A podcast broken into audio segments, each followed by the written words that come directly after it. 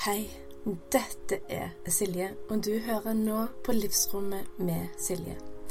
Denne podkasten her er den du hører på for å bli inspirert, for å bli løfta opp, for å lære nye ting, men òg sånn at du finner din vei gjennom motgang og selvfølgelig medgang, sjøl om du har prøvd så mye allerede.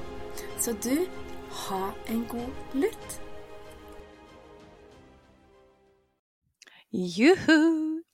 Og velkommen til en ny episode her på Livsrommet med Silje. Og denne episoden her så får jeg besøk av ei fantastisk dame som heter Kristina. Hun har skrevet bøker for det og har foredrag fordi hun har gått gjennom en ganske heftig og strabasiøs historie med sykdom, med Nav, det å ikke bli trodd, gått gjennom en veldig intern reise som har til felles med egentlig de fleste som blir kronisk syke. Og i denne episoden her så deler hun bl.a. de fem beste tipsa for å på en måte håndtere Nav. Sånn at det blir Det krever mindre av deg. Sånn at du har mer energi til å bli bedre, bli friskere og rett og slett ha det finere. Velkommen, Kristina. Tusen takk. Så kjekt å ha deg her som gjest på Livsrommet med Silje. Veldig hyggelig å bli invitert også. Syns det er veldig hyggelig å bli invitert til podkaster. Så gøy, så gøy. Du, vi skal snakke om noe som jeg tror veldig mange i Norge, og tilsvarende ellers i verden òg, opplever. Og det er jo når eh, man havner på en måte litt utenfor. Når eh, kroppen gjerne ikke vil fungere, man trenger hjelp. Man eh, går til den instansen vi har her i Norge, som heter Nav. Og eh, ja, så er det mange som ikke har god erfaring. Ja. Mm. Men eh, før vi går inn i på en måte Nav og historien og sånn, så Hvis du treffer en person i en heis, og du har ett minutt på deg til de, du har kommet til din etasje, og du skal presentere deg sjøl og hva du gjør, hva sier du da? ja, ikke sant. Ja, eh, det jeg sier er at jeg jobber som eh, foredragsholder og eh, forfatter. Og da spør jo da er veldig gjerne oppfølgingsspørsmålet veldig sånn kjapt innen hvilket tema, ikke sant. Det er jo det folk vil høre. Og da sier jeg jo bare veldig kort om min historie. At jeg snakker om helse og det å leve med kronisk sykdom.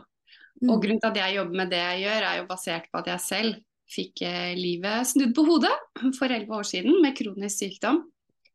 Um, så det, det er det jeg veldig sånn kjapt eh, sier. Mm. Så jeg klarer det på under eh, ett minutt. Ja, det var, det var Og så kan jeg selvfølgelig snakke i timevis om det, og vi skal jo komme litt inn på det. mm. Men sånn jeg møter folk sånn med det første, så er det jo fordi at jeg nå kan jobbe. Det var en periode, Jeg hadde jo mange år hvor jeg ikke jobba i det hele tatt. Da syns jeg det var mer krevende å si til folk ikke sant, hva driver du med? For det er jo det første Mm. folk spør deg om, særlig hvis det er sånn i nye settinger. ikke sant? Så er det jo det spørsmålet får. Hva jobber du med? Og jeg har jo vært Mm. mange år utenfor arbeidslivet. Nå er det på en måte enklere, fordi nå jobber jeg deltid. Så da kan jeg bare si at jeg jobber, istedenfor å si Jeg sier jo ikke jeg jobber deltid og så er jeg ufør forresten. Mm, mm. Ja, jeg, jeg eh, har òg gått på noen sånne jeg vil, ikke- jeg vil ikke kalle de smeller, men jeg, og det vanligste spørsmålet på autopilot hos folk flest er jo ja, hva jobber du med da? Ja. Men hva om vi heller vinkler det, hva er det du driver med?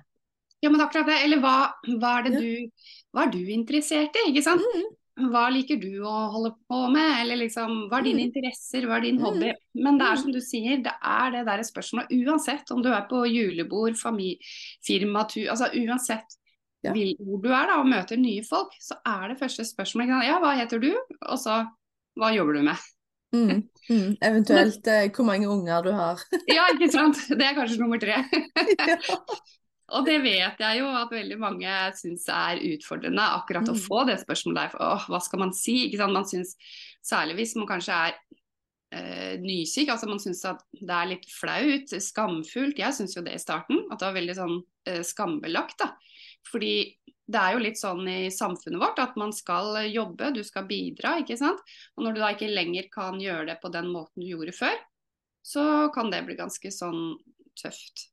Mm, ja, Og så er det jo mye stigma rundt det å være på Nav òg, så det er jo ingen som frivillig ønsker å være i en etat som på en måte er veldig sånn stigmatisert da, i media og i av samfunnet generelt. Man har ikke lyst til å havne i den båsen, da, for å si det sånn, som jeg følte at jeg kom i. da. Du blir satt i en bås. ikke sant? Hvis du Mm. sier at nei, jeg er, eh, jeg er ufør, eller jeg går på AAP, så jeg går på Nav nå, liksom.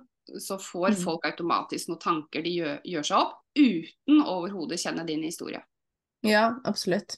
Jeg tror det er de aller Altså 99,9999999% ønsker jo ikke å måtte trenge støtte fra Nav. Nei, overhodet Eh, ikke. Er Men, men, men jeg kjenner Jeg vet om én person. Når vedkommende vokste opp, så hadde hen et ønske om å bli uføre. Og det hører til ekstreme sjeldenheter at det på en måte er sånn. Men eh, Men det er akkurat det. Men det er jo sånn det blir, ikke sant. Fordi det er Du kan si ikke sant, Man hører om ja, Nav-snyltere. Ja, det er kanskje, ikke sant, som du Mm. sier, det er en og Mm. annen mm, eh, innimellom som syns at det hadde vært behagelig, eller det hadde vært bedre enn å jobbe og sånn og sånn. Men jeg tenker det er ikke noe annerledes det enn at du finner på en måte unnasluntrere på en arbeidsplass. Jeg har hatt ganske mange arbeidsplasser, jobba som leder, jeg har hatt mange høye stillinger. Og det er alltid noen på den arbeidsplass også som vet nøyaktig hvor mange sykemeldingsdager de har igjen før året er omme. Som tar kaffepauser eh, hele tiden, gjør minst mulig. Du har sånne Mm. unnasluntre. de finnes overalt i alle samfunnslag. Så det er ikke noe mer av de eh, på Nav, er, er i hvert fall min påstand, da. mm, ja, jeg Fordi det er ikke luksuriøst å gå på Nav. ikke sant? Du får inntekten din redusert ganske kraftig. Eh, mange opplever også å stå uten inntekt i perioder eh, pga. ulike ting. Kanskje havner man på sosiale stønader som er enda lavere enn eh, uføretrygd og AAP. Eh, du må hele tiden rapportere. Du må gjennom en ganske omfattende system da, og for å komme på uføretrygd. Så det er ikke sånn at du bare liksom kan bestemme deg nei, nå vil jeg ha uføretrygd, og så får du det lett som bare det. De aller fleste har jo gått, sånn som mitt tilfelle, da. Jeg har vært åtte år gjennom systemet. Og du skal være ganske tålmodig og ivrig etter å få en lav inntekt hvis du orker åtte år i Nav-systemet for å få en liten inntekt. Altså Hadde jeg jobba fullt, så hadde jeg jo hatt um, ja, fire ganger så høy inntekt som jeg har nå. Og hvem vil det frivillig? Ja, ja, ja, ja. Men hvis vi spoler tilbake litt, litt i, i tid, når du ble syk, vil du ta oss litt tilbake? Hva, Ja, Da hvordan- var jeg mm, 38 år, eh, midt i livet, eller ikke midt i livet engang. Jeg var eh, på et veldig bra sted i livet mitt. Jeg eh, var midt i en videreutdanning, hadde jobb, leilighet, kjæreste. Liksom alt, alt var liksom på stell i uh, livet mitt. To unger hadde jeg. Og visste liksom på en måte hvor jeg var og hvor jeg skulle. ikke sant? Jeg skulle ta den utdanningen. Og vips, så fikk jeg en virusinfeksjon. Ble aldri frisk igjen.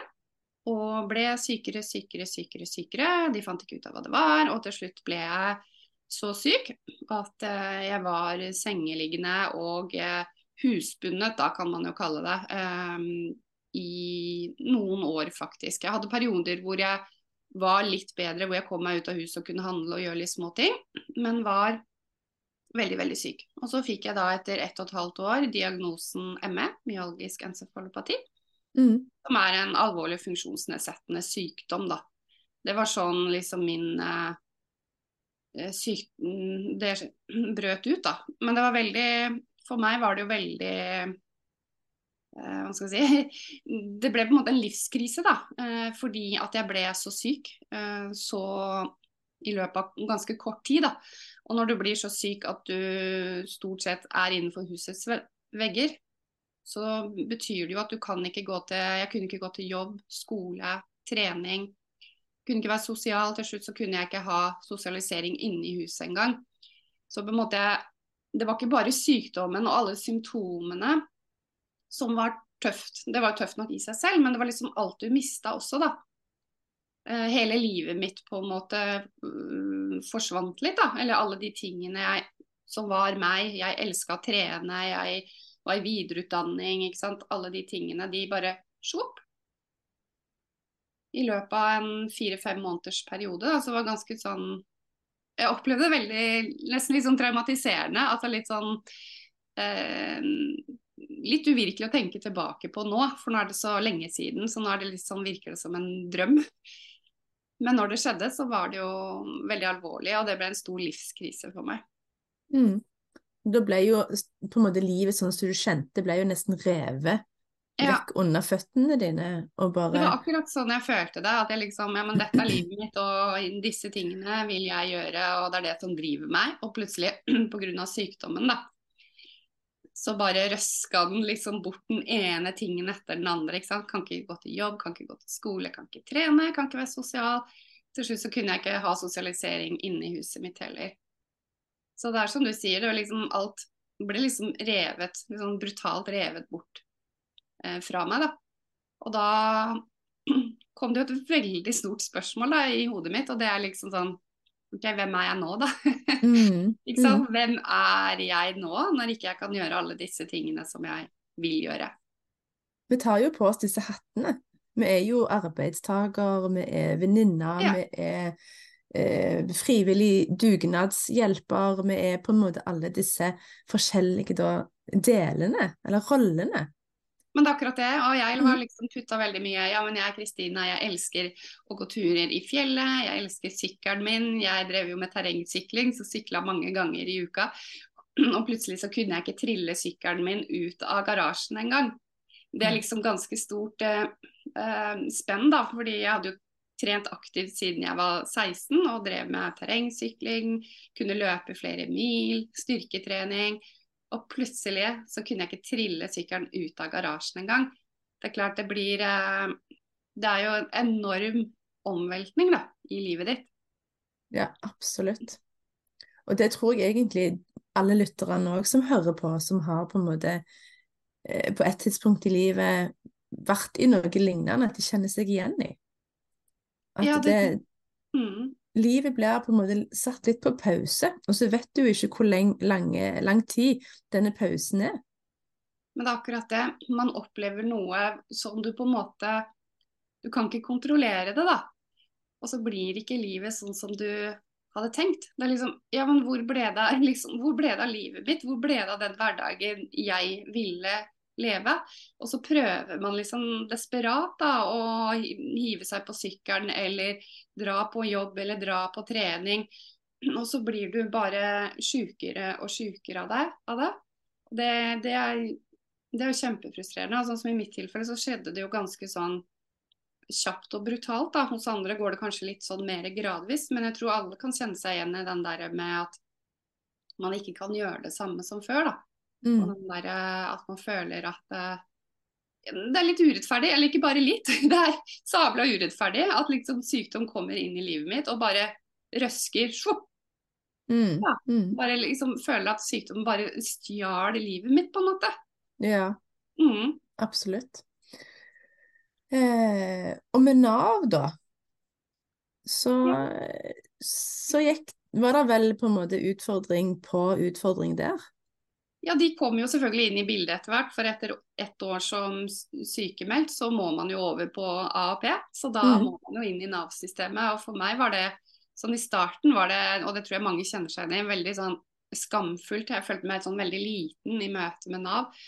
Eh, vi snakka litt innledningsvis med det med fordommer og stigma. Og jeg tror alle, jeg tror til og med de som blir syke, altså oss som også er syke, har nok også hatt noen fordommer mot Nav og sånne ting. Fordi det man leser i media, eller man ser en nabo som man vet er ufør, holder på i hagen, og så tenker man sitt, ikke sant. Kanskje en person mm. kunne jobbet litt. Jeg skal nok si, kanskje si at jeg har nok sikkert hatt litt fordommer, jeg også. Det tror jeg alle mennesker har. Fordi man blir så mm. fora med det fra media og folk man snakker med, ikke sant. Hvordan på en måte navere blir fremstilt. Ja. Så for meg var det veldig sånn ja, jeg, jeg, følte det var helt sånn der helt feil at jeg på en måte skulle inn i et system hvor du med en gang blir satt i en bås. Å ja, du er en av de, ikke sant. Du er en Mm. av de. Og med en av de så mener jeg ikke sant, at du er en av de unnasluntrerne. Du kan jobbe hvis du bare vil, ikke sant. Og du får bare pengene rullende inn på konto. Det må være deilig å gjøre hva du vil hele tiden. ikke sant. Alle disse stigma fordommene. Så jeg bare tenkte åh nei, skal jeg inn i det der? Eh, I tillegg så føltes det også veldig sånn uh, spesielt å skal inn i en etat som på en måte har, følte jeg da, litt kontrollen over livet ditt. Og, med det så mener jeg at du må inn i et system, og så er det de som bestemmer om du på en måte får penger eller ikke. Du må gjøre du må sende meldekort riktig, du, masse du må passe på da, for å få disse tingene. Og det, selvfølgelig skal det være sånn, men man føler litt at man må veie sine ord. Og eh, liksom gjøre alt de sier for ikke å risikere å stå inntekt, eller å risikere å miste inntekt. da. I tillegg så er det jo mange ting du skal gjennom i den prosessen, og jeg har jo vært i Nav i åtte år, så for meg var det en veldig lang prosess. Og så er det krevende å skulle forholde seg til eh, mange veiledere. Jeg har hatt så mange veiledere at jeg, jeg har ikke sjans til å huske halvparten, og jeg vet ikke hvor Jeg mista tellinga etter 15-16-17, tror jeg. Altså, jeg har hatt så mange veiledere, og det er også krevende. ikke sant? At du på nytt skal møte et nytt menneske, eh, fortelle situasjonen din. Ikke minst eh, få en relasjon til den personen, sånn at du føler at den andre tror deg. da. Mm. For det er jo litt krevende med um, sykdommen jeg har, som det ikke er noe biomarkør på. Du kan ikke ta en blodprøve og si ja, men du har den sykdommen. Mm. Det betyr jo at Nav og alle andre som skal hjelpe dem, meg, da, må på en måte tro på at det jeg sier er sant. Mm. Og det gjelder jo med mange andre kroniske sykdommer òg. Og når man ser på deg og meg, da, så er det ikke lett å se at vi ser syke ut. Så når jeg sitter sånn som det her på et Nav-møte, jeg har sminka meg, dusja, og, og jeg er jo fortsatt meg. Jeg er jo fortsatt blide, positive, engasjerte Kristina som egentlig vil jobbe 100 Mm. Så kan det noen ganger bli vanskelig for den andre å liksom mm, Mm. Er du nå så sjuk som du sier at du er, ikke sant? Mm. Dette må vi finne ut av. Og Ja. det er jo det Nav skal finne ut av òg. De skal jo finne ut av hvor mye eller lite kan du jobbe. Men jeg føler jo at jeg veldig mange ganger har måttet, måttet kjempe, kjempe litt, da, hvis man kan si det, for å bli trodd, for å få det du har krav på. Eh, Det syns jeg har vært eh, sånn ekstra, ekstra tøft. Da. Og min prosess har jo også vært lang. Og Mm. når du bruker åtte år eh, på å bli, bli avklart, for du har ett år på sykepenger, fire år på AAP, betyr at du egentlig bør bli avklart i løpet av fire år. Og jeg har brukt åtte år. Mm. Da tenker jeg det sier noe om at kanskje min prosess har tatt mye lengre tid, fordi jeg har vært litt vanskelig på en måte i gåsøgne, å avklare, da. På grunn av Mm. min, tror jeg, da. Ja. Det er jo noe med det der å komme Du er jo allerede i en sårbar situasjon. Du har gjerne vært gjennom på en måte hele mirakelset med fastlege, og vedkommende begynner å tro på deg eller skjønner at her er det noe. Så skal du forholde deg til nye mennesker på Nav.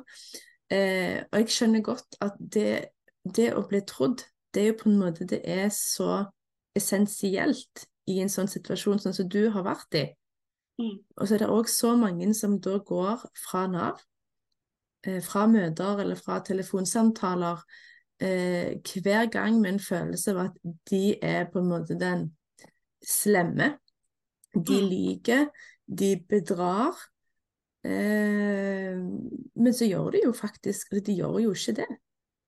De har bare Og det er jo altså, Hvis vi tenker til Det er jo fint og på en måte og normalt å stelle seg og sminke seg og dusje før du skal da per definisjon ut av huset på et Nav-møte. Mm. Det er jo sånn folk flest eh, gjør. Men er du på en måte for eh, La oss si for slakk for det, så er det jo i hvert fall et tegn på at ting er, en måte, er gått for langt. Eh, Ja, det- eller at man er for positiv og glad, ikke sant. Ja. som jeg er, så kan man også bli oppfatta som at eh, Jeg husker jeg var gjennom arbeidsretta tiltak og, og, fikk bare beskjed om at oi, ja, men ikke sant, fordi jeg var så positiv og jeg visste liksom hva, hva jeg ville og liksom og sånne ting. Det virka som jeg liksom hadde Jeg hadde så mye på stell, da. Mm. Hun sa på første møte liksom oi, ja, men deg skal det ikke bli noe problem å få ut i jobb. Ikke sant? Bare ved liksom å se meg og hvordan jeg var og liksom Mm. Fordi jeg vil jo, altså hodet mitt vil jo jobbe 100 og det tror jeg alle kronisk syke, eller alle syke generelt, eh, kjenner seg enig i. Man vil jobbe 100 Hodet vil det. Men så er det noe med kroppen, da. Eh, som det, er fysisk umulig for meg da, å jobbe 100% Men jeg vil jobbe 100% ikke sant? Og det er den greia der, da. Og det er den greia mange syke trenger hjelp til òg, ikke sant. Eh, jeg tror ikke jeg har møtt noen syke som jeg liksom trenger å motivere til å gjøre mer. De aller fleste trenger hjelp til å finne ut av hva som er faktisk mulig. Ikke sant? Mm. OK, jeg hø hører at du vil gjerne jobbe 100 men nå må vi liksom kartlegge hva er fysisk mulig å få til. Og der var det en enorm, et enormt gap. Eh, jeg gikk jo inn i arbeidsretta tiltak og med bare mine positive tanker tenkte oi, kanskje jeg blir avklart at jeg kan jobbe 100 ikke? Jeg gleda meg så, for jeg tenkte at kanskje det går. Selv om jeg innerst inne visste at det, det er jo fysisk umulig.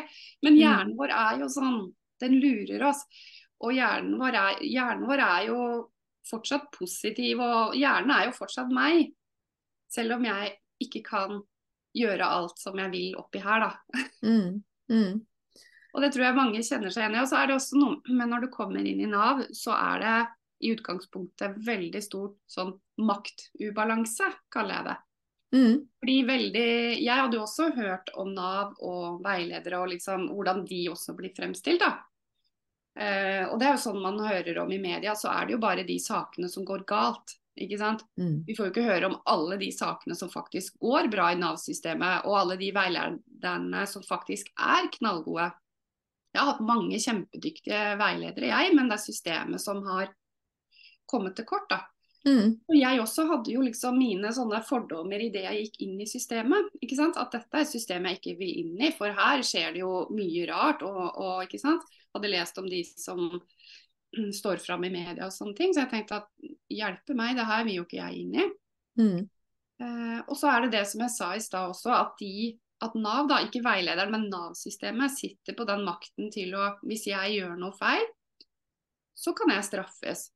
Jeg kan både, I form av at pengene uteblir, men man kan også faktisk bli straffa med bøter og i verste fall fengsel. Nå er ikke jeg bekymra for at jeg skal gjøre Ja, det er sånn som det står nederst på sånne brev. Altså hvis man fyller ut feil informasjon med vilje Mm. og ikke sant. Altså hvis man eh, f.eks. du sier at du er 100, du kan ikke jobbe, og så viser det seg at du jobber ved siden av likevel, og så har du ikke gitt opplysninger om det. ikke sant? Det er mye som eh, du som bruker må eh, tenke på, da. Og det er selvfølgelig sånn systemet er, men når du som syk, da, allerede som du sa i stad, vi er i en veldig sårbar situasjon fordi du er syk, og så har du fått hele livet ditt Mange da har fått hele livet snudd på hodet, sånn som jeg. Sånn at jeg var jo en ekstremt sårbar situasjon, både fordi jeg var syk, men også fordi jeg hadde mistet så mye i livet mitt. Jeg sleit litt med hvem er jeg nå? Jeg sto ikke så støtt i meg sjøl lenger. ikke sant? Jeg var usikker, jeg var vinglete, jeg var sårbar, jeg var lei meg, jeg var trist. Jeg hadde så mye sånn. Jeg hadde ikke den robustheten i meg i den perioden. Og så skal du inn og møte et system som jeg opplevde var eh, til tider ganske kaldt og kynisk. Mm. Eh, på tross av at jeg hadde en del gode veiledere. Men så er det systemet. Et eller annet med systemet, sånn at veilederen kan si ja, det var leit du står uten penger nå, men det er sånn systemet er, jeg får ikke hjulpet deg. Da blir det litt sånn OK, hva er, på, hva er vitsen med en hyggelig, hjelpsom veileder når hun ikke kan hjelpe meg? ikke sant? Sånn har jeg Mm. sittet og tenkt mange ganger. At liksom Hva i all verden er vitsen med at jeg sitter her og snakker med deg? Du kan jo ikke hjelpe meg. Og Mm. der er det nok sikkert veldig mange fortvilte veiledere òg, som sitter på den andre siden og er sikkert kjempefrustrerte. Ja, det Så det er denne maktubalansen, og den gjør noe med deg, altså. mm. Så vi kan iallfall konkludere med at det er i de aller, aller færreste tilfellene at det er vondt i viljen, men det er jo faktisk eh, faktisk på en måte veldig høyst reelle sykdommer, enten de har biomarkører eller ei. Ja. Eh, men jeg tenker det òg vi må snakke om det der forholdet til deg sjøl. Du, du, var innom det, det med identitet, når vi tar vekk alle disse hattene. Vi, Mm. vi føler på på en måte på sett og vis eksistensielle spørsmål. Hvem er jeg nå? Mm. For vi belager oss jo i en stor grad på en måte disse ytre hattene, da. Og så blir de tatt vekk. Det, livet blir satt på pause på ubestemt tid. Mm. Fundamentet ditt blir revet ut. Og du på en måte står på bar bakke og litt sånn Hvem er jeg? Og øh, hvem er jeg nå? Hva øh, Det er jo en, en himla på en måte indre jobb. Men jeg, det, det virker jo som om til det, til det jeg har snakket med deg til nå om, at du har kommet veldig styrka ut av det på denne sida, og det er jo fantastisk. Ja, det har jeg absolutt. Jeg følte jo en periode der at liksom hele livet rakna. Og så er det rart, fordi jeg var 38 år og hadde jo en god utdannelse, var i en videreutdanning og var sertifisert coach. Og jeg følte på en måte at jeg hadde mange sånne verktøy i ryggsekken min, da. Og hadde jo vært gjennom eh, tøffe ting eh, før, som man ofte gjør når man er 38. Altså, alle går jo gjennom ting, ikke sant. Um, uansett hva det er, sånn i livet generelt, som ikke handlet om sykdom. Mm. Så jeg følte jo at jeg liksom Og jeg var 38 år, ikke sant, som gjør at jeg også hadde litt livserfaring, hadde fått barn, ikke sant. Eh, sånne ting. Men allikevel, når det da kom til sykdom, som på en måte var noe helt nytt, så var det akkurat som alle verktøyene i sekken min, de var bare helt borte. Altså jeg som har sittet, sittet og hjulpet og coachet andre, både jobbmessig, men også vært den som har stilt opp for familie og venner. og ikke sant, En du kan komme til for å få råd og støtte og liksom, ikke sant. Mm. Plutselig så hadde jeg ingenting, liksom. Fordi, det var, fordi du står i en livskrise, og så skjer det noe som du aldri har opplevd før. Og så var det også det som var så ekstremt, da. At det var så mange ting på en gang. Det var ikke bare det, bare én ting, da, som at jeg mista jobben. Nei, det var både jobben, utdanninga, trening, sosialisering, hobbyer. Eh, ikke sant? Det var så mange ting på en gang som gjorde at det ble en enorm livskrise. Fordi hadde jeg på en måte i gåseøynene bare mista jobben, da, så kunne jeg fortsatt dratt på trening og eh, utdanningen min og venner, ikke sant. Men jeg mista så mye på en gang. Mm. Eh, så det var jo litt interessant sånn i ettertid da, å tenke at eh, ja, de verktøyene var helt borte. Eh, og det er jo da jeg skulle ønske at jeg hadde hatt mer helse- og fagpersonell rundt meg, da, som hadde forstått på en måte at sykdom handler ikke om at du bare skal håndtere og leve med sykdommen din, med symptomer og sånne ting, men også hvordan det preger liksom hele livet ditt, men også identiteten din, da. Mm. Um, så etter hvert, da, når jeg syntes at, eh, at jeg hadde prøvd å, prøvd å håndtere ting på egen hånd, da, men kom meg liksom ikke videre, eh, så valgte jeg faktisk å gå til psykolog. Og det var egentlig ganske tilfeldig, fordi jeg skulle til en psykolog pga. å utelukke Det er sånn det er da med den sykdommen jeg har, så må du utelukke andre sykdommer. Mm. Som en del av utredningen så var det da at jeg måtte innom psykolog.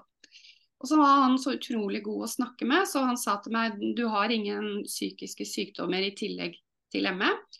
Eh, men hvis du vil kan du gå her og eh, snakke liksom om eh, det å leve med, da.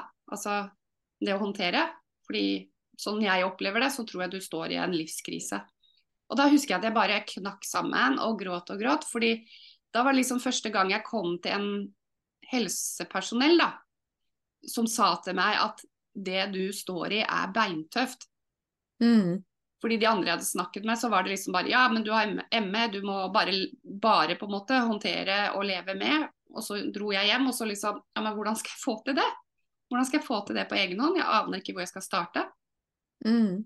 Og det var så utrolig befriende. Uh, og da gikk jeg til han i over et år, faktisk. Uh, og han sa noe veldig fint, og det var at han sa at, eh, at det er veldig normalt å kjenne på så mye følelser som du gjør nå. Og så sa han en annen fantastisk ting, og det var at det vil bli bedre. Åh, Mm. altså bare hør på den setningen, liksom. Det vil bli bedre. Det har hjulpet meg så mange ganger, for sånn er jo livet. Noen ganger står vi i drittøffe ting, om det er sykdom, samlivsbrudd eller andre ting. Mm. Altså, livet skjer. Så det har hjulpet meg så mange ganger når jeg liksom føler at jeg står, til, ja, står i dritt opp til hit, liksom. At jeg da, åh, ja, Kristina, nå er det beintøft, men det vil bli bedre. Og han Mm. hadde så innmari rett. Han skulle bare Ja. Nydelig. Ja, det gjør det. Men det er jo selvfølgelig ikke bare han alene som har hjulpet meg. Da. Det er jo mange ting jeg har gjort selv også. Mm. Men, uh, og da, men Ja, hva du skulle si? Nei, da kommer man jo egentlig inn på et e- ekstremt stort ord da, som handler om aksept. Å, det er så viktig. Og, eh, og det ble jo kjempeviktig for meg etter hvert. For i starten så ville jeg jo ikke akseptere det her i det hele tatt. Mm. Eh, bare fortrengte alt og bare liksom Nei, når jeg blir frisk igjen, da skal jeg. Når det og det Mm. skjer, da skal jeg. Mm. Så ble jeg jo syk år etter år. Og da Mm. skjønte jeg at jeg kan jo ikke gå og vente på å gjøre noe, eller ha det bra, da, Mm. eller når jeg blir frisk. For tenk om jeg må leve med sykdom resten av livet, da. Skal jeg gå og på en måte snakke meg selv ned, øh, synes synd på meg sjøl, klandre andre, klandre sykdommen. Skal jeg holde på med det, da? I, helt til jeg dør? Nei, det var ikke så veldig fristende. Nei, det, det er ikke fristende. Jeg kom til et sted hvor jeg liksom bare tenkte herregud, nå må jeg tenke her og nå, da. Mm. Mm. Jeg tror det med Altså, det er jo livskriser, de kommer jo i alle mulige former og Ja. nyanser og fasetter. Og jeg tror på en måte det viktigste jeg har lært i mitt eh, 38 år gamle, eller unge liv, Mm. det er det at hvis du klarer å bruke en livskrise eh, til å på en måte du, på, en, på en måte som motivasjon, men òg at det kan komme så mye bra. Selv om man er syk, selv om man er skada. Eh, jeg hadde jo leddgikt, som jeg fikk beskjed om at jeg, det, det måtte jeg bare finne en måte å leve med på. Eh, og det var helt utenkelig for meg, for jeg hadde, jeg hadde ingen hender jeg kunne bruke. Altså det var to ubrukelige hender. Eh, og eh, jeg nekta jo å godta legens ord. Eh, og det var en krise. Det å på en måte Jeg kunne ikke greie håret mitt engang med å altså, holde rundt hårbørsten. Eh, så det var liksom så mye som òg ble satt på en måte på hold om hvis jeg skulle bare ha det sånn. Selvfølgelig kunne jeg jo tatt medisiner, men det er jo ikke garanti for at de virker. Og det å bruke eh, Selvfølgelig aksept er jo en viktig eh, på en måte ingrediens i øyeblikket. Og hvis du lever i fornektelse Nei, jeg har ikke ME. Nei, jeg har ikke leddgikt. Jeg kan fortsette som før. Så er det jo veldig inkongruent kommunikasjon med kroppen. Mm. Så bare det å akseptere sånn er det akkurat nå. Mm. Og det vil gjerne være sånn en stund, men det trenger ikke å være sånn for resten av livet. Det å hente tilbake litt av den der krafta, og bare at eh, hvis man har fått høre fra en lege at du må ha det sånn, eller du kommer til å eh, ja, dø av dette innen sånn og så lenge, det trenger ikke være din sannhet. Det var det jeg ville fram til. Ja, og det er så, å, du sier så mye bra der. Og jeg hang meg opp i ett ord du brukte, og det er noe jeg har vært utrolig opptatt av. Det med å få tilbake kontrollen i livet ditt. Mm. For Det var akkurat det jeg følte også, at liksom alt rakna litt. da, At jeg mista så mye. Du må inn i Nav-systemet. Det kan jeg ikke kontrollere, på en måte, fordi jeg klarer meg ikke uten penger. Så det Mm. var så mye i livet mitt jeg følte jeg ikke kunne kontrollere. Mm. Og den, akkurat den følelsen der gjør noe med deg som menneske. At du liksom føler at ikke du har kontroll over livet. Og der tror jeg vi mennesker har en enorm mulighet til å ta mer kontroll i eget liv. da. Mm. Med å gjøre noe med det du kan gjøre noe med. Og det ble Mm. noe som jeg ble veldig opptatt av. da. OK, som du sier. Ikke sant? Nå kan jeg ikke gjøre, gjøre alle disse tingene, og jeg kan ikke hver dag tenke at jeg vil ut og sykle terrengsykling i to timer, for det går ikke akkurat her nå. Mm. Kanskje. Eller jeg skal sykle terrengsykling igjen, men det går ikke nå. Så på en måte jeg har brukt veldig mye eller hatt mye fokus på å finne ut av de tingene jeg elsker å gjøre ikke sant, når jeg var frisk. Og så liksom OK, disse tingene her kan jeg ikke gjøre, men hva kan jeg erstatte de med? Mm. Jeg kan ikke sykle terrengsykling. Hva kan jeg erstatte det med, sånn at det gir meg glede? For jeg må Mm. slutte å sørge. Hvis jeg hver dag skal tenke på at jeg skal sykle terrengsykkel, så drar jeg meg selv ned og blir veldig lei Mm. meg. Mm. Så tenker jeg ok, jeg kan ta bilen og jeg kan kjøre til stranda som er to minutter unna meg, og jeg kan sitte på stranda og se utover havet. Høre på bølgeskvulpen, ikke sant. Og sånn har jeg jobba med alle ting. Og ja, jeg kan ikke jobbe lenger i den perioden. Hva kan jeg erstatte det med? Jo, jeg kan skrive litt dagboksnotater, for jeg liker kunnskap og jeg liker å lese. Og så har det da etter hvert blitt til tre bøker. Så det er litt med å endre fokus. OK, disse tingene kan jeg ikke gjøre og styre, men hva kan jeg erstatte det med, og hva kan jeg gjøre noe med? Også i møte med Nav. Mm. Jeg følte jo selv at jeg, jeg har ikke kontroll. Jeg må bare ditt og jeg må bare datt. Men så tenkte jeg, Mm. og det må jeg jo, jeg må forholde meg til Nav, det er på en måte fakta. Men innenfor de rammene, da, hva kan jeg selv ta ansvar for? Jo, jeg kan sørge for at jeg får god kommunikasjon med Nav. Og det er 50% opp til meg, og, eller 100% opp til meg og 100% opp til veilederen. Mm. Hvis jeg går inn der og tenker at åh, hun er sikkert eh, umulig og liksom har litt klørne ute og liksom å nei, jeg skal, jeg skal ikke gi mer enn jeg trenger, hun må finne ut av det sjøl, så blir det ikke god kommunikasjon. Jeg velger å liksom, selv om jeg har hatt dårlig erfaring før, så velger jeg å nullstille meg. Tenke at nå skal jeg gi den personen en sjanse, og jeg er nødt til å være såpass åpen og ærlig, sånn at hun kan gjøre en god jobb. Mm. Og jeg kan forsikre meg at hun forstår. Jeg kan også, hvis jeg føler, og det har jeg mange ganger gjort, hvis jeg føler at noen mistror meg eller liksom sier noe rart, eller kanskje plutselig himler med øynene, eller altså, jeg har opplevd mye forskjellig, da. Mm. Sier jeg fra, så spør jeg du, det du sa nå, eh, det tolka jeg som sånn og sånn, er det riktig, eller var det feil? Eller nå føler jeg at vi kanskje snakker litt forbi hverandre. Kan vi prøve å liksom Mm. Eh, og i noen, et, et tilfelle har vært ganske ekstrem òg. Da, da sa jeg fra. vet du hva, Nå føler jeg at eh, tonen din er ganske eh, ufin. For Mm. nå føler jeg sånn og sånn. Og det, jeg og henne var bare ikke en match. Det var så Ja. dårlig kommunikasjon. Så til slutt måtte jeg Det hjalp ikke å si fra til henne, så jeg måtte til slutt gå over henne, og så fikk jeg bytta veileder. Men det var ett da, ekstremt tilfelle.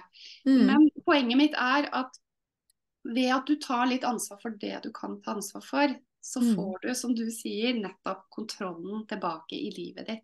Istedenfor at Mm. du bare blir med på alt, og bare aksepterer alt. Når du Mm. sier fra, så blir du mer sånn Yes! Det er ingen Jeg har blitt litt sånn Ingen skal si noe ufint til meg på Nav, eller eh, Jeg skal ha en god kommunikasjon, og jeg er like mye verdt som syk. Mm. Um, og derfor skal jeg bli behandla på en god måte. Men da må vi si fra. Hvis ikke Mm. vi sier fra, og så går vi hjem og så snakker vi liksom til mannen vår om den håpløse veilederen, men veilederen vet ingenting. Mm. Vi må Ja. si fra. Mm. Mm. Ja, veldig bra. Jeg tror det er masse gode læringer i det du sa nå, til, til de lytterne som er i på en måte en, en relasjon til Nav, og må forholde seg til det. Mm. For eh, god kommunikasjon, det er ikke en enveisvei. Nei. Det, er, det går begge veier. Jeg tror hvis man tenker det liksom før man går inn i Nav-møtet, liksom nå skal jeg liksom nå skal jeg nullstille meg, jeg skal gi 100% inn i det møtet her, sånn at jeg gir Nav-veilederen min en mulighet til å forstå. Mm. Og fordi det er veldig mange gode veiledere der ute som virkelig ønsker å gjøre jobben sin og virkelig ønsker å hjelpe oss. Mm. Det blir mye lettere hvis vi er ærlige. Mm. Og hvis jeg ikke forteller hvordan jeg egentlig har det, Ja. eh, og jeg sitter på et Nav-kontor og bare sier jo, nei, men det, det går fint det, og så kanskje pynter jeg litt på det, og så sier Mm. jeg hvordan det egentlig er. Mm. Man har jo ikke sjans til å forstå. Jeg er jo egentlig nødt til å forklare ekstra mye. Og så tenker jeg også, hvis man også tenker at ehm, For veldig mange tenker kanskje ja, men jeg vil at veilederen min bare skal forstå. Men hvis vi tenker heller Det er jo ikke så rart at de sliter litt med å forstå. Fordi vi ser ut sånn som det her. Og det er jo sånn folk gjør. Vi dømmer ut ifra det vi ser. Mm. Og da, Hvis man da kan tenke at siden jeg ser egentlig frisk ut, da, så blir det ekstra viktig for meg å forklare. Kanskje kan jeg bruke en aktivitetsdagbok. Jeg kan gjøre mange ting for å vise veilederen min hvordan hverdagen er. Istedenfor mm. å bli litt irritert over at åh, Nav-veilederen min skjønner jo ingenting. Hun må jo forstå at jeg er så sjuk. Mm. forklarer man det kanskje ikke godt nok. Mm. Så jeg tror det skjer mye sånn eh, misforståelser da, i disse møtene fordi vi kanskje ikke klarer å være ærlige nok. Mm.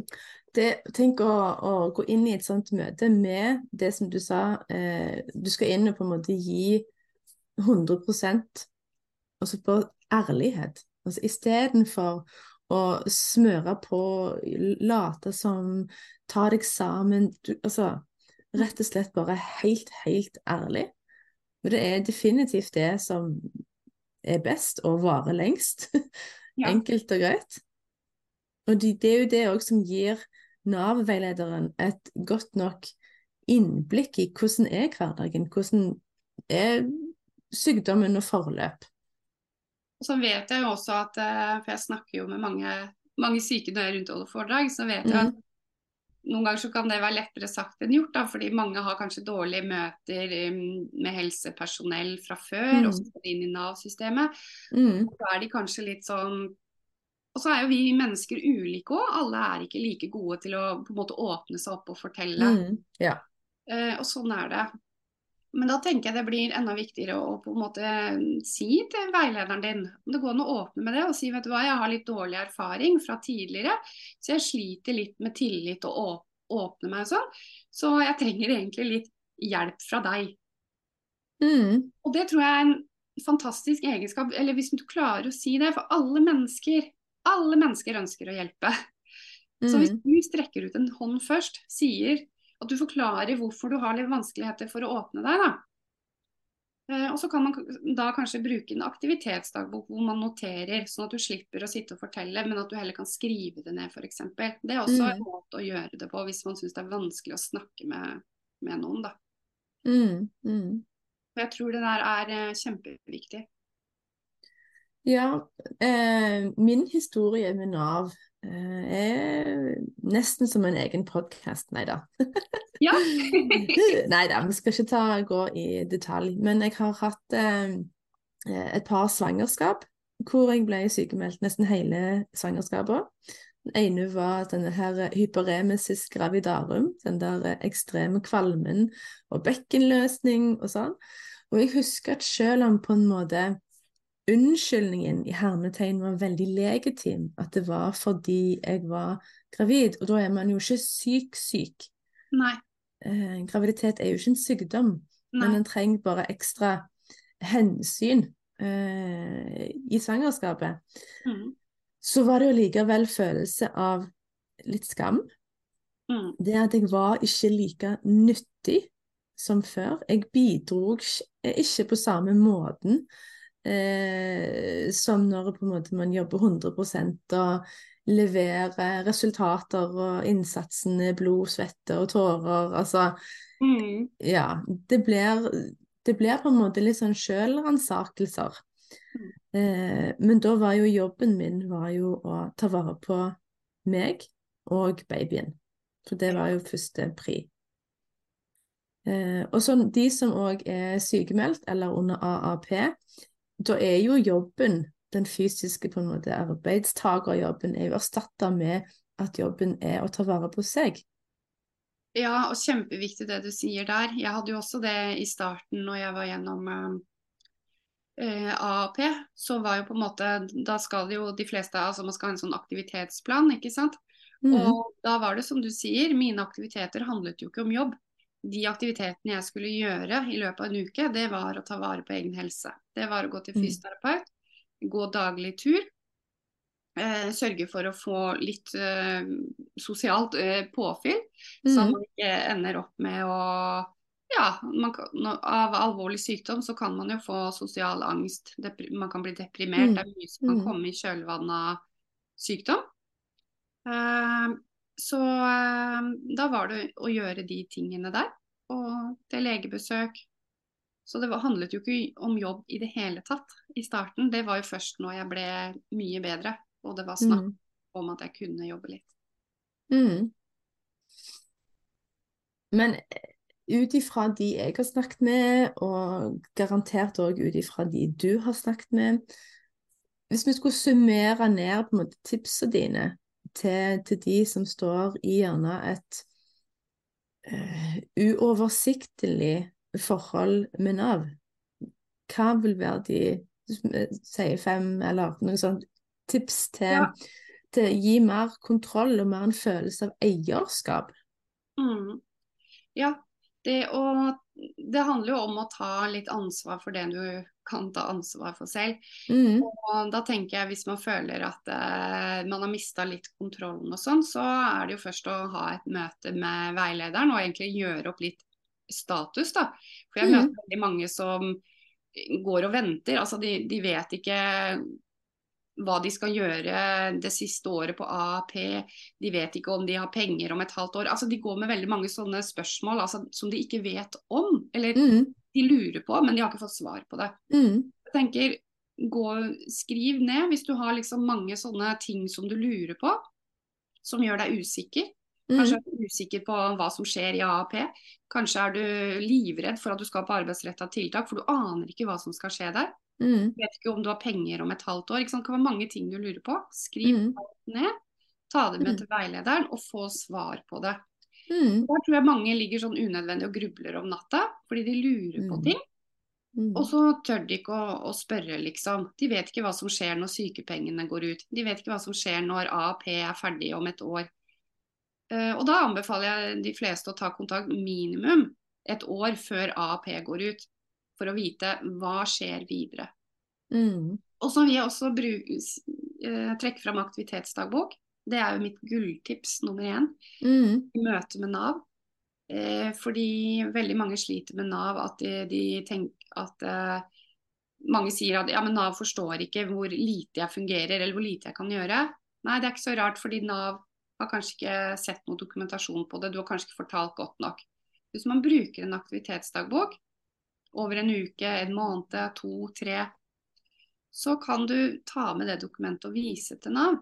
For Veldig ofte så husker vi ikke så langt tilbake i tid. Og så sier vi bare at jo, men det går sånn tålelig greit. Det er det samme som forrige Ja. uke. Da har vi kanskje blitt mye sjukere.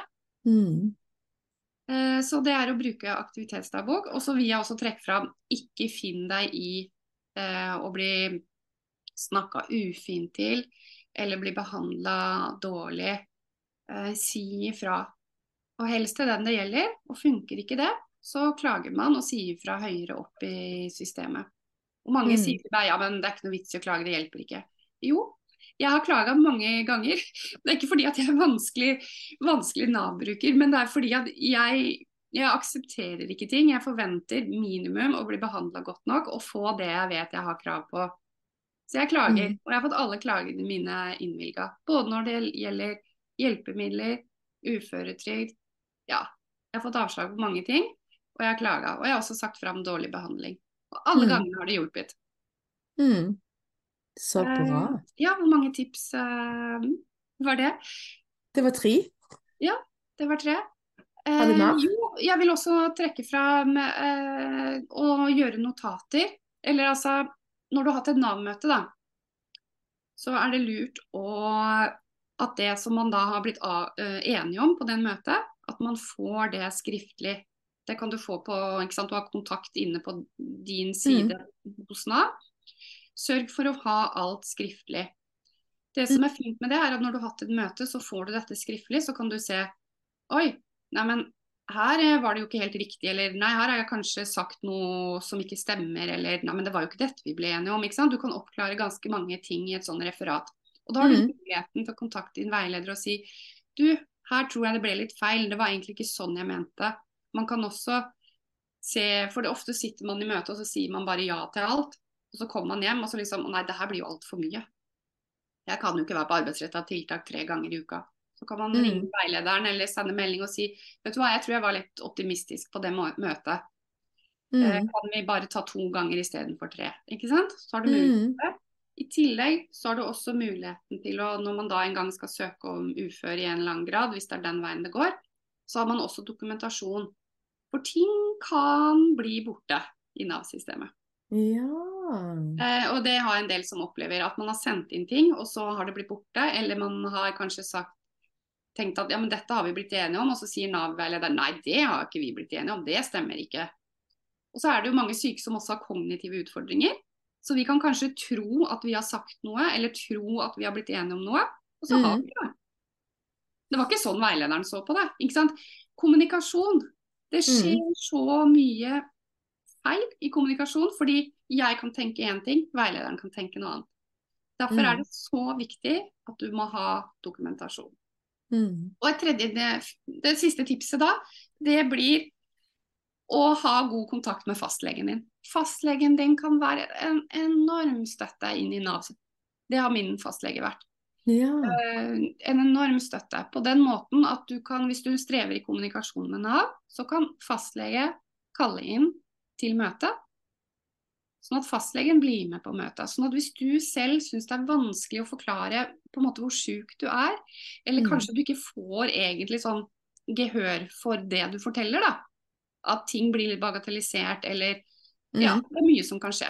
Da kan din fastlege bli med å fortelle om sykdommen din, hvordan det griper inn i hverdagen din, eh, sånne ting. Og så kan legen også skrive gode legeerklæringer. Det er fastlegen din som skal dokumentere funksjonsnivået ditt. Vi Mm. selv kan fortelle, dokumentere med aktivitetsdagbok, men til syvende og sist så er det jo fastlegen som Mm. skriver denne gode legeerklæringen. Mm. Mm. Ja. Så eh, sørg for å ha en god fastlege, og, Mm. og bruk fastlegen. Det kan også være sånn som jeg hadde, hadde litt eh, eh, kommunikasjonsproblemer med ene veilederen jeg hadde. Og da sa jeg men da kan vi ikke ta et møte med fastlegen min, så kan fastlegen forklare og sånn. Mm. Og plutselig så ordnet det seg. Nei, nei, nei, det trengte vi ikke. Det, nå skulle vi ordne det og finne ut av det. Ja. Så plutselig ordna det seg. Og det var jo ikke det at jeg mente å true med fastlegen min, men jeg tenkte at her kom vi ikke videre, så jeg må ha med fastlegen min. Mm. Plutselig så ordna det seg, liksom. Plutselig var det Ja. ikke noe problem allikevel, det som egentlig var et problem. Ja. Mm. Så Mm. fastlegen er viktig. Ja, ja, det var fantastiske Det var fem, da. Jeg kunne jo sagt mange mer, da. Ja. Men jeg kan bare avslutte med at det, liksom, det å ta ansvar sjøl, da. Mm. Eh, og det gjør noe med deg som person òg. Hvis du tenker OK, jeg må være i Nav-systemet, jeg må forholde meg til veiledere. Og så vet jeg at det er krevende å skifte veiledere, men det er nå sånn en gang. Det er bare sånn. For det Mm. første så kan ikke veiledere, det er regelverket, de kan ha en bruker i så og så lang tid før de må skifte. Oh, Ja. ja, men det er fordi de skal ikke bli for personlig engasjert i oss. Så det er jo selvfølgelig bra. Og så er det også en god, stor utskiftning i Nav-systemet. Eh, veiledere slutter, veiledere blir sykemeldte, sånne ting. Eh, så det er på en måte ikke noe vi får gjort noe med. Så hvis du på en Mm. måte tenker, istedenfor å bli så frustrert og irritere deg og hisse deg opp over det, så heller det får jeg ikke gjort noe med. Sånn er det Mm. bare. Mm. Og hvis man er skikkelig lei av å forklare til, på nytt, på nytt, på nytt, skriv to av fire sider om din situasjon, sykdomshistorie. Lever det. Enkelt og greit. Ja, liksom tenk at det, disse tingene her, det kan jeg faktisk ikke gjøre noe med. Jeg får ikke styrt det. Det er utenfor min kontroll. Men hvordan kan jeg få det best mulig? Det frigjør utrolig mye energi. Fordi man Mm. bruker så mye mer energi på å ligge og gruble på ting vi ikke får gjort noe med. Og det Mm. som er ikke sant, ting du ikke får gjort noe med, det er jo der dagen etter og dagen etter og året etter og året etter. Så lenge du er i Nav-systemet, så får du ikke gjort noe med at veiledere skifter og at du må forholde deg til mange veiledere. Så hvis du irriterer deg over det hver dag, Mm. det tar mye energi. Mm. Som vi ikke har. Ja. Så fokus på det du kan gjøre noe med. ja, veldig bra. Og så vil jeg òg tilføye at denne episoden her håper jeg er en, eller håper gjerne med, er en påminnelse til deg som hører på, at du er like mye verd. Uansett om du er sykemeldt, AAP, uføre, uansett, sett, så er du like mye verd som menneske. Og fortjener å bli behandla etter en eh, minimumsstandard. Det er kjempeviktig, og det er så sant. Vi er like mye verdt. Mm. Og da, det, det, gjør noe med deg òg, når du klarer å liksom implementere det så du virkelig tror på det sjøl. Yep. Det gjør noe med deg. Istedenfor å gå krokrygga inn på Nav, så går du inn med heva hode. Og mm. du blir mer på, og du blir mer delaktig i eget liv. Og du får mm. tilbake liksom den der, da. Og det er kjempeviktig. Det gjør også at man tar bedre avgjørelser, ikke sant. Absolutt. Og så tenker jeg òg bare dette med Hvis vi ser på sykdom og sånne ting, altså kriser i ulike størrelser og varianter som utfordringer, ikke som problemer, så blir det jo mer på en måte løsbart bare det. For utfordring er jo mer positivt lada enn et problem. Eh, og så tenker jeg òg Jeg har iallfall i mitt liv likt å heller på en måte lene meg imot utfordringen, istedenfor å vike unna eller være som en struts. For da vil utfordringen eller problemet være der når du hodet kommer opp fra sanden igjen. Å mm. ja, ja, det er det ennå, ja. Ok. Eh, så heller jeg liker å lene meg imot, og heller se hva kan jeg sjøl gjøre. Hva, kan, hva, godt kan komme ut av dette, mm. og eh, hva kan jeg lære ut av dette. For det er alltid læringer og innsikter og ja, det er det. Også det å tenke at det, eh, når det kommer et problem da, eller en utfordring, for sånn er jo livet. Enten mm. frisk eller syk. Det er jo bare vi som er syke har jo det i tillegg, da. Og så skjer jo mm. livet mm. allikevel. Ja. Eh, jeg pleier å tenke Jeg er veldig sånn løsningsorientert, det er jeg av natur. Så det har vært en god egenskap å ha i møte med sykdom. Da. Så Absolutt. når det står, oppstår en utfordring, så ser man kanskje ikke helt løsningen, men det å begynne å tenke liksom OK, nå har jeg prøvd dette i møte med Nav f.eks. Det funka ikke helt. Men så er det jo alltid sånn at på et problem så er det alltid mange, mange løsninger. Det trenger ikke være bare én løsning på ett problem. Mm. Selv om man har prøvd én ting, så ikke gi opp og tenk liksom Ja, men nå, nå har jeg prøvd det her, det, og det er jo helt håpløst. Eh, bli heller litt sånn La det gå litt sånn sport i det, på en måte. Det gjør jeg. Jeg tar det som en sånn mm. utfordring, på en måte. Sånn der, mm. Som du sier, det har mye å si hvordan du tenker på problemet. Mm. Jeg tenker OK. Jeg også tenker liksom, OK, her kom det et problem, utfordring. Nå prøvde jeg det her, det funka ikke. Men det må jo være andre måter å gjøre det på. Mm. Da begynner hjernen, vet du. For hjernen vår er helt fantastisk. Hvis vi bare åpner opp for det og tenker muligheter, så blir hjernen ganske kreativ. Og klarer du mm. ikke å komme på noe kreativt, så er det jo mennesker vi kan spørre også. Du, mm. jeg står i en situasjon, og den er litt vanskelig, jeg har prøvd dette, men det funka ikke. Har du noe forslag? Mm, Andre like personer er jo geniale, for de har vært gjennom det samme som deg. Mm, mm. Ja, nå skulle jeg egentlig si en veldig lur ting, men den glapp ut, for ja. jeg lot meg distrahere. ja, jeg skravler og skravler. Vi blir så engasjerte begge to, vet du. Ja.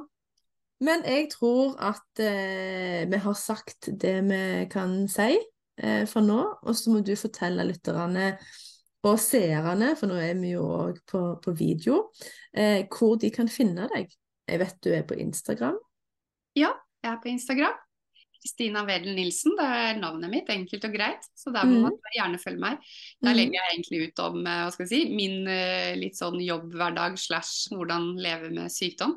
Både mm. hvor jeg holder foredrag, men også litt sånn hvordan er det å leve med sykdom og utfordringer og litt tips og råd og sånn. Ellers er jeg også på Facebook. Det er også navnet mitt. Bare foredragsholder og forfatter etterpå. Der må man også gjerne følge med. Mm. Så har jeg en nettside, da. Mm. Det er også navnet mitt, så veldig enkelt og greit. Ja. Og så legger jeg jo med linker òg, sånn at du som hører eller ser på, kan lett klikke deg inn. Eh, og hvis du skulle vite eller lære mer av Kristina, så har jo hun skrevet bøker som er utrolig fine til deg som står oppi det som hun sto oppi, eller ja, det som hun kom seg gjennom, kan vi vel si. Ja. Og så hørte jeg jo foredraget ditt eh, fra kaos til kontroll i møte med Nav. Eh, så jeg eh, håper jo at denne eh, episoden her kan inspirere og vekke mer framoverlent tilnærming til flest mulig sine møter med Nav rundt omkring, og at folk sitter igjen med ja, bedre følelse, føler seg mer ivaretatt. Ja, mm. der tror jeg man kan faktisk gjøre mye sjøl for å nettopp føle det. Vi var mm. litt inne på det, men det å liksom prøve da så godt du kan å kvitte deg litt med den der skammen. Tenke at du er mm. like mye verdt. Mm. Tren, det må øves på. Jeg har øvd mye på det. og liksom Snakk til deg sjøl med selvmedfølelse. Du må være god mot deg sjøl, for det gjør noe med deg. Og når du klarer å implementere det, liksom, kvitt deg med skammen, eh, stå støtt i, i deg sjøl, liksom. Du er like mye verdt. Så går du liksom fra å være litt sånn og usynlig og bare vil kle deg mørkt og håper ingen ser meg, til å liksom jeg, jeg, er meg, og jeg fortjener å bli sett og hørt. Og så må man også tenke at eh, du må ta kontroll over ditt eget liv. Mm. Ikke så gjør andre det. Og ja. da kan det bli et liv du ikke vil ha. Stemmer. Så det er så viktig å ta kontrollen i eget liv, og gjøre noe med det du kan gjøre noe med. Mm. Ja, nydelig. Ja. oh, ja, ja, ja, ja, ja, ja. Vi kunne snakka en time til, liksom. Men, eh, ja. Eller mange timer til. ja, absolutt. Men jeg tror vi sier tusen takk for nå. Tusen takk for meg, og for at jeg fikk komme. Takk for nå. Både meg og Kristina håper at du likte å lytte til denne episoden her like godt som vi likte å spille den inn. For det var fantastisk. Vi håper at du har fått masse utbytte ut av den, gjerne litt mer klarhet i hvordan du skal navigere og håndtere din relasjon til Nav, men òg gjerne hvordan du ser på sykdommen din, eh, og gjerne veien videre. Vi håper at du har lyst til å dele screenshot på Instagram eller andre sosiale medier, og tagge oss, og vi blir òg superglade om du deler med oss hva du likte aller, aller best. Tusen takk for at du hørte på.